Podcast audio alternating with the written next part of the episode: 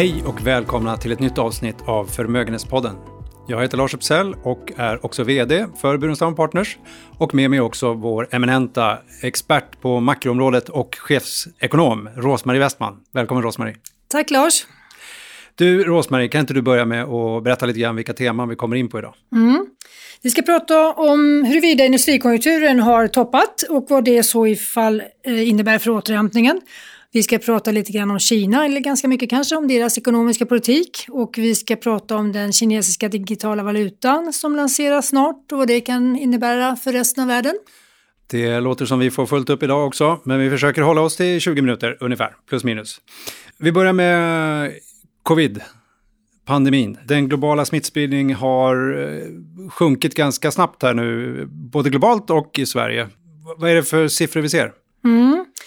Den har ju halverats då den globala smittningen och den sista härden vi hade som vi såg som var verkligt stor det var ju Indien men även där ser det bättre ut nu. Så att de, på global nivå så är det halvering av siffrorna här på några veckor bara. Och Europa ser fortfar, fortsatt bra ut. Eh, Sverige ser betydligt bättre ut nu än vad vi har gjort. Vi har ju haft en ganska seg utveckling kan man väl säga. Men nu märks det skillnad även i Sverige och det är ju en bra timing på det. Och vi ser ju också att vaccinationen går ganska bra nu i Europa och inte minst i Sverige. Så att eh, första sprutan har ju nästan 50 procent fått nu i Sverige.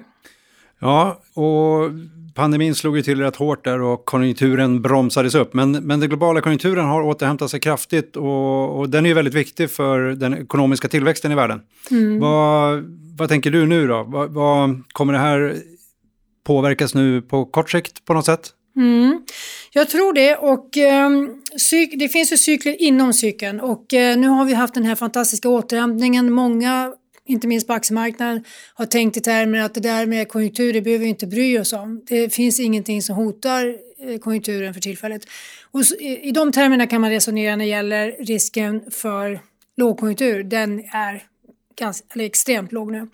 Men däremot som du nämner då så toppar den här industrikonjunkturen ut och det gör den någon gång, för vi kan inte ha högre och högre tillväxttal hela tiden. Den har hållit på sedan ända sedan maj och vi har, man tittar på inköpschefsindex och allt det här så har det varit väldigt, väldigt höga nivåer. Och eh, det brukar ju vara så att är det högsta nivån på tio år och allt det här, ja men det är signaler på att det snart toppar ur.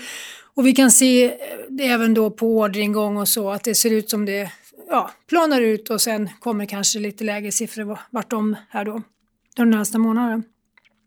Så industrin är viktig för resten av ekonomin. Eh, den är inte så stor andel men utväxlingen är ganska stor och eh, därför kan det påverka. Det kommer vara, ingen vet ju hur det, är, så det här förloppet ser ut.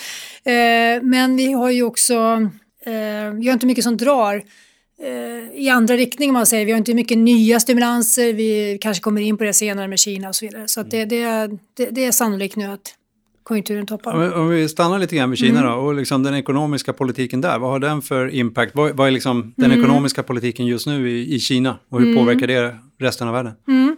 Min första reflektion när jag såg det här, de här siffrorna, då tänkte jag att det där är nog Kina som, som är den största effekten, men det är egentligen inte. Vilka siffror tänkte du på? Jag tänker på att det här att det ser ut att plana ut och ja. så. De, det är en global tendens och den styrs inte av enbart Kina, utan Kina förstärker den här trenden, men de är inte ensam orsak till den. Och eh, kineserna gör ju inte allt rätt, men de har ju en ganska aktiv eh, ekonomisk politik eh, som är kontracyklisk. Den politik man för i USA nu den är ju procyklisk så att de eh, ja, har ju mycket stimulanser det året eh, 21 nu där det ändå återhämtar sig av sig själv ganska mycket. Men Kina har gjort tvärtom. De har stramat åt på kreditsidan och det har varit tydligt, inte så hemskt länge men kanske under de sista två månaderna någonting sånt där. Och eh, de har också högljutt klagat över att råvarupriserna är så höga. Eh, de industriella råvarorna har ju mer än fördubblats eh, sen, sen pandemin och de är nu högre än vad de var innan pandemin. Då. Och det där gillar inte Kina för de är väldigt beroende av råvaror. I koppar till exempel går 60 procent av all koppar i världen går till Kina. Så mm, de vet vad de gör. De vet vad de gör. Vi pratar ganska mycket om inflationshot eh, och vi har fått siffror här i Sverige idag. Eh, vi ska väl få från USA här om några minuter, jag säga, några timmar kanske. Eh, men är, menar du kanske till och med att de här råvarupriserna kommer vara ett större hot, att det blir inflation där, än vad inflationen är? Det är en faktor, men det är inte hela bilden utan det är ju fraktrater och det är ju andra saker. Vi har pratat om halvledare och lite andra saker. Det, det börjar bli... När man byter ben så snabbt nu på konjunkturförloppet här som man gjorde, då, då det är oundvikligt att det blir så här eh, besvärligt helt enkelt med leveranser. Så, är, det, är det flaskhalsar i systemet på olika sätt? Ja, det är ju när alla ska köpa samtidigt. För att konsumenterna börjar handla mer, då, då blir det på det här sättet. Och en del har ju hävdat att det är lageruppbyggnaden som driver den här flaskhalsarna. Men, men det, jag tror att vi har passerat det stadiet och att det verkligen är den här slutefterfrågan från kunder som gör att eh, för ja, nästan allting man beställer nu så tar det längre tid. Så egentligen hänger frågorna ihop? Eh, mm. Bristen på och inflation, att det blir mm. sånt tryck på, mm. på köpsidan. Vi har ju lärt oss att tänka på att inflation kommer med lön, ökade löner, men då får man ju komma ihåg att ökade löner det brukar vara någonting som kommer ganska sencykliskt, så det kan inte styra en inflationsuppgång så här tidigt i, i uppgången så att säga, utan det är någonting som kommer senare i så fall. Oftast. Det är lite konstigt, men Fed eh, säger du kommer trappa upp obligationsköpen. Eh, inte det lite konstigt då när vi har den här brinnande konjunkturen? Nej, jag tror inte de kommer trappa upp. Däremot så kommer de väl ta ner det, men då är frågan hur länge kommer de hålla på det beslutet och eh, det är ju Alltså i din fråga ligger ju det här redan där de håller på med idag. Det är ändå 120 miljarder per månad i köp. Och det är ju någonting som de skulle kunna mycket väl göra om vi var mitt i den här krisen, men det är vi ju inte längre. Så det är inte motiverat helt enkelt. Och eh, jag blir förvånad när jag ser att man gör så mycket både på, man skulle ju kunna växeldra med hur man tycker med att att avveckla de här köpen och sen har de ju mycket på den fiskala sidan och, och, så skulle man liksom kunna se det då att de börjar avveckla stimulansen då först på penningpolitiska sidan. Men eh, Fed har ju lagt om sin politik och säger att de kommer att titta nu på arbetslösheten, det är den viktigaste parametern. De kommer inte bry sig om inflationen om den överskjuter då, det gör den redan, ligger på 4,2 procent. Och det är många som tror att det är kortsiktigt. Majoriteten av alla ekonomer och eh, Fed-företrädare och centralbanksföreträdare ska säga, för det gäller även Europa, tror ju att det här är kortsiktigt och eh, då ehm, ja, så ska man kunna lägga undan helt enkelt eh, det här med inflationsbevakningen. Men, men man får också komma ihåg att centralbanker, deras åtgärder har ju en tidsförskjutning. Så om man höjer räntan idag så kommer det få effekt om ett eller ett och ett halvt år. Och om man bestämmer sig idag för att man inte ska titta på inflationen, ja men då kommer man garanterat komma efter. Det är det enda man vet. Man vet ju inte tidslinjen, men man vet att då kommer hamna i det läget. Mm. Och eh, jag tycker inte det är så bra strategi om jag ska vara ärlig. Men det är inte jag som bestämmer. Det är inte du som bestämmer, inte den frågan. Men eh, du ska bestämma svaret på nästa fråga. Och då tänkte jag att vi skulle hoppa från liksom, riksbankerna i USA som jobbar med stimulanser, men det har ju även politikerna gjort. Och eh, numera är det ju Joe Biden som är eh, president i USA. Eh, han eh, lyftes ju fram när han vann i, i Europa bland annat som, som eh, ett, ett väldigt bra val då. men är hans glansdagar lite grann förbi nu eller? Man hör inte mycket om honom på nyheterna. Mm. Ja, jag, jag skulle säga att hans glansdagar är kvar. Han imponerade väldigt mycket då de 100 första dagarna. Det gick ju otroligt snabbt med de paket som rullades ut. Det var ju först ett stimulanspaket, ett eh, ja, specifikt stimulanspaket eh, som var nästan på 2000 miljarder. Eh, mycket, mycket stort och det fick han ju igenom då. Och sen kom infrastrukturprogrammet som också var stort då, över 2000 och sen eh, kom ju då själva budgeten som också är väldigt omfattande då med bestående bidragshöjningar och eh, skattehöjningar. Men eh, det enda han har fått igenom då det är den här första delen och sen när det gäller infrastruktur och budgeten så är det mycket mer frågetecken nu hur det här egentligen ska baxas igenom och eh, Republikanerna har ju börjat förhandla och då vad som har hänt och det är att de har om de överhuvudtaget ska förhandla har de ju sagt så ska det ju ner i omfång. Och framförallt är det också definitionen på vad som är infrastruktur. Infrastruktur för republikaner det är bara vägar och broar och inget annat. Medan då Biden vill lägga in alla möjliga saker som satsningar på, på grön energi och så vidare. Det finns väldigt stora skillnader där hur man ser på det här.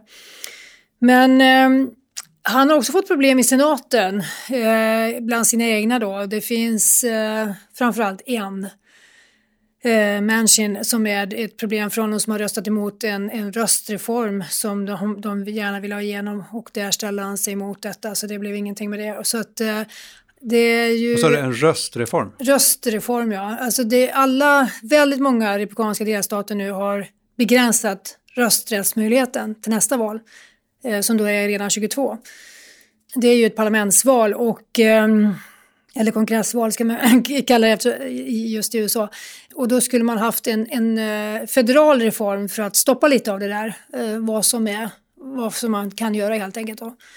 Eh, men det är ju en gammal känd republikansk teknik, det är ju att rita om lite kartorna, hur de ser ut, de här kretsarna och sen är det ju då att inte ha för många möjligheter, alltså man har begränsar tiderna och var man kan lägga rösterna och poströstning och allt vad det är. Men eh, där fick de ju backning då och, eh, och den, den enskilda ledamoten där i senaten han kommer ställa sig, kunna ställa sig på bakhasorna på fler frågor. Så det är, utgör ju en... Eh, det är ju ett verkligt stort bakslag helt enkelt för att eh, Biden har ju varit väldigt eh, vänsterorientering. man säga. Han, alltså USA ligger ju sällan vänster om Sverige men det gör de ju definitivt nu, eh, de reformer de vill göra. Eh, vi har även i Sverige lite förslag på skattehöjningar men det är ju ingenting, det går inte att jämföra helt enkelt vad man försöker göra i, i USA då, där man kanske försöker göra om landet till en välfärdsstat. Och det är inget billigt sätt att göra det, eh, att göra det i det här läget. När man har så låga skatter så är det en lång bit kvar. Man, man, får, man får väldigt mycket andra eh, effekter av en sån omläggning. Om, ska man dessutom hålla på med det här att man ändrar politik var fjärde år så är det klart det blir väldigt ryckigt och konstigt allting. Så ja, jag skulle säga att glansdagarna är slut för Biden. Det kommer bli mycket tuffare framöver. Vi i Europa tjänar väl fortfarande på att vi har någon i Vita huset som vi förstår oss på. Ja, det var en fin uppsummering. Men eh, han måste väl också ha framgång med vaccinationsprogrammet i USA? Ja, det får man säga, men det har börjat ta emot även där nu. Eh, de ligger väl på, om jag inte minns fel, 62 procent tror jag. Och det är ju väldigt bra, men de hade lovat att komma upp till 70 procent här nu till 4 juli tror jag det var. Och det kommer de kanske inte nå då. Och det går trögt den här sista biten och det beror ju på, det är lite eh, det är lite motstånd helt enkelt mot vaccinering då bland, eh, ja inte minst bland republikaner då. Eh, I deras delstater då så har det inte alls varit samma gensvar helt enkelt då. Nej, vi, vi får se vad, mm. hur, hur, den här pandemin slutar. Vi mm. hoppas den slutar nu. Ja. Eh, I vilket fall som helst, vi ska hoppa vidare till Kina som ju ger sig in i det här med digitala valutor. Och eh, de blir först med att lansera, säger du, eh, en digital valuta. Mm. Eh, och vad innebär det här för eh, ja, Kina framför allt? Vad är det för typ av eh, projekt om man säger så? Eh, och kommer det göra att yuanen kommer ha en chans att ta över mot dollarn som världsvaluta? Många frågor ja, på en gång. det var många frågor på en gång. Ja. ja de, de vill ju ligga i bräschen för detta, det är ju helt klart. Och eh, de ser väl behovet. Vi, vi ser ju eh, betalningsplattformar, privata sådana. Det var ju det som gick allra bäst på börsen förra året, kan man säga generellt. Och eh, vi ser ju i, i även på det, det området ligger ju Kina väldigt långt fram då. De har ju bland annat två bolag, Alipay och eh, WeChat Pay, som har vardera över en miljard kunder. Så det är klart att där sker ju väldigt mycket betalningar och då känner ju säkert staten Kina att de också vill ha det här erbjudandet med en digital renminbi som de har kontroll över. För att det andra är ju inte deras egna plattformar utan privata plattformar. Då. Så det är väl, och sen har du kryptovalutorna också där i bakgrunden tror jag. Så de, de får ju mycket, en del varnar och säger att nu får de ännu mer kontroll över människor. Eh, för de kan följa alla betalningar och så vidare och det ligger säkert någonting i det. Men jag tror inte det kommer stoppa projektet på något sätt utan det är ju igång och eh, om jag har förstått det rätt så, så, så togs ju det här eh, beslutet redan 2019 och nu har de ju haft ett pilotprojekt, alltså antal pilotprojekt på gång här nu. Och eh, de gör ju en twist på det här och det är ju att de, man måste ha ett bankkonto för att kunna handla digital eh, renminbi. Så hade man inte behövt göra det, men jag tror att de tänker i termer av finansiell stabilitet. De vill inte att inlåning från bankerna ska försvinna, utan det som hamnar i den här digitala valutan, det ska antagligen kunna återlånas till bankerna igen. Eh, och det är ju lite fiffigt. De, dit har ju inte till exempel Europa kommit, utan de tänker i termer av att, att den digitala valutan ska ha ett tak för privatpersoner kanske på 3000 euro så att det inte blir det här hotet då mot bankernas inlåning. Men det tror jag, där tror jag kineserna tänker bättre. Eh, vi får se var Europa hamnar någonstans men eh, det, jag, jag, är förvånad egentligen att USA inte ligger först. Um, men eh, det har inte varit så mycket innovationer på central nivå. Eh, de har ju bra techbolag men, men eh, även när det gäller techbolagen får man ju säga att när det gäller betal, just betalningar så ligger ju de kinesiska techbolagen före de amerikanska. Så att, eh, men Kina ligger långt fram och mm. är nära att lansera då. Mm. Eh, men, och Europa håller på, med projekt. Mm. Eh, och USA, hur ligger de till då? Ja, alltså Europa springer snabbt nu, bara för att nämna det då, men, men de har ju fortfarande bara på ritstadiet. Och USA är ju knappt på ritstadiet, alltså de, de det är ju under utredning men det verkar inte som de har någon ambition med att lansera det här. De har absolut inte bestämt sig för att nu ska vi göra det här. I Europa har jag mer känsla att det här ska beslutas. Alltså det, är, eh, det finns en tidsplan och de ligger kanske lite efter den men de springer väldigt, väldigt snabbt nu. Ehm, så ehm, det vore ju, man måste tänka, tänka till i termer av då bankernas inlåning så att det inte hotar den då, den bara försvinner över en dag. Då har vi ju jättemycket problem vid nästa finanskris. Det går ju inte att överblicka, det måste man ju tänka igenom. Det här måste hålla för en finanskris. Det är så man måste tänka. Och eh, jag tror att kineserna kan vara rätt bra på det. De har ju också ett väldigt starkt inflytande. De är fortfarande väldigt stora delägare i de största bankerna. Så de har ju på många sätt en bättre möjlighet att kunna styra det här effektivt. Då. Vi ska börja runda av här Rosmarie, men, men eh, det är den 10 juni idag. Eh, och om 14 dagar så har vi kylarna fulla med färskpotatis och sill och eh, vissa kanske har nubbe där i också. Vem vet, för den 25 så är det midsommar. Och man brukar prata om att man ska köpa aktier till midsommar och, och sälja till kräftorna. Eh, börsen har väl gått lite grann eh, sidledes kan man säga den sista tiden. Vad, vad tror du gäller i år? Är det den gamla sägen? Ja, man kan konstatera att eh, marknaden har tappat momentum lite grann nu. Eh, vi läser ju att det har stigit eh, både under april och, och maj, men, men tittar man nu så ser man ju ändå att vi eh, Ja, vi, vi, vi har ju inte börjat någon nedgång men det är mer sidledes än upp nu. Och eh, vi har ju pratat ganska mycket i podden om de här inflationshoten och även ränteuppgången och kan det vara ett hot mot eh, aktiemarknaden. Och och det verkar väl som att den här eh, gemensamma konsensussynen nu om att inflationsuppgången är temporär, den verkar ja, marknaden verkligen ha tagit till sig. För jag har sett väldigt lite oro på räntemarknaden, det går snarare ner. Och det bidrar ju till att, eh, att aktiemarknaden säkert inte går ner då.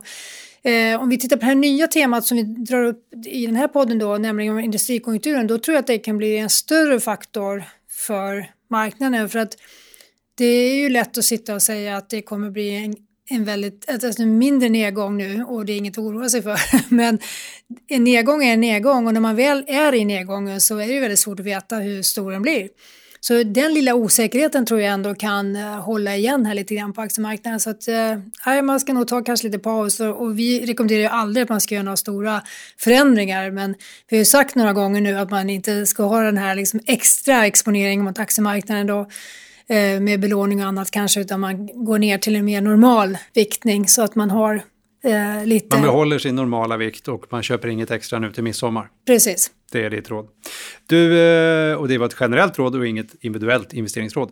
Men vi har varit inne på många teman, Rosmarie. Vi har pratat om konjunkturen och hur den har nu på ett års sikt gått väldigt starkt, men är den lite grann hotad idag? Vi har varit inne på Kinas ekonomiska politik, vi har varit inne på deras eh, satsning på digital valuta och, och förändringarna på det området. Och nu avslutningsvis lite grann om, om eh, investeringsläget på börsen.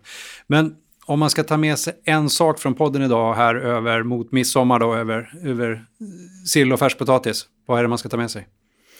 Ja, man ska titta lite grann på den här industrikonjunkturen tycker jag. Titta på Kina, det har vi inte gjort på ett tag nu, och eh, titta på de svenska industribolagen och vad som händer där och så. Det, det, det kan vara lite extra viktigt att titta på vad som händer med orderingång och annat för att få de här tidiga signalerna. Viktiga indikatorer. Eh, med det så tackar vi Rosmarie och er lyssnare för att ni har lyssnat. Och eh, vi eh, hoppas att ni eh, prenumererar på Förmögenhetspodden på där du lyssnar på dina poddar. Och så hoppas vi att ni får en riktigt trevlig midsommar. Så på återhörande längre fram och tack ska ni ha. Tack för oss.